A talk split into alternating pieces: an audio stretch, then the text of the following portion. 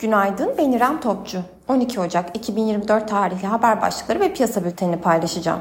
Türkiye Cumhuriyet Merkez Bankası New York'ta gerçekleştirilen toplantıda yatırımcılara sıkılaştırmanın sona yakın olduğunu söyledi. ECB Başkanı Lagarde, Euro bölgesinde enflasyonun %2'ye ilerlediğinden emin olduklarında faiz indireceklerini açıkladı. ABD'de JP Morgan, BOFA, Citigroup ve Wells Fargo'nun dahil olduğu büyük bankalar bilanço açıklayacak. Amerikan ve İngiliz jetleri Kızıldeniz'deki saldırılarına misilleme olarak Yemen'de Husilere ait bazı hedefleri vurdu. Piyasalara genel olarak bakacak olursak pay piyasalarında hafta boyu Borsa İstanbul'da derecelendirme kuruluşu Moody's'in bu akşam açıklanması beklenen Türkiye değerlendirmesine ilişkin iyimserlik izlenirken bu iyimserliğin bugün de sürebileceğini düşünüyoruz. Global piyasalarda ise dün ABD tüfe verisi takip edilirken veri beklentilerden yüksek enflasyon artışına işaret etti. Bu sabah ABD vadelileri satıcılı, Alman DAX vadelisi ve Asya endekslerinin geneli alıcılı seyrediyor.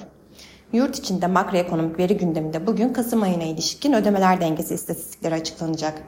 Piyasa beklentisi cari açın 1.6 milyar dolar olarak gerçekleşeceği yönünde bulunurken şeker yatırımı olarak dış ticarette toparlanma ve hizmetler dengesindeki olumlu seyirle 1.4 milyar dolar cari açık geleceğini tahmin ediyoruz.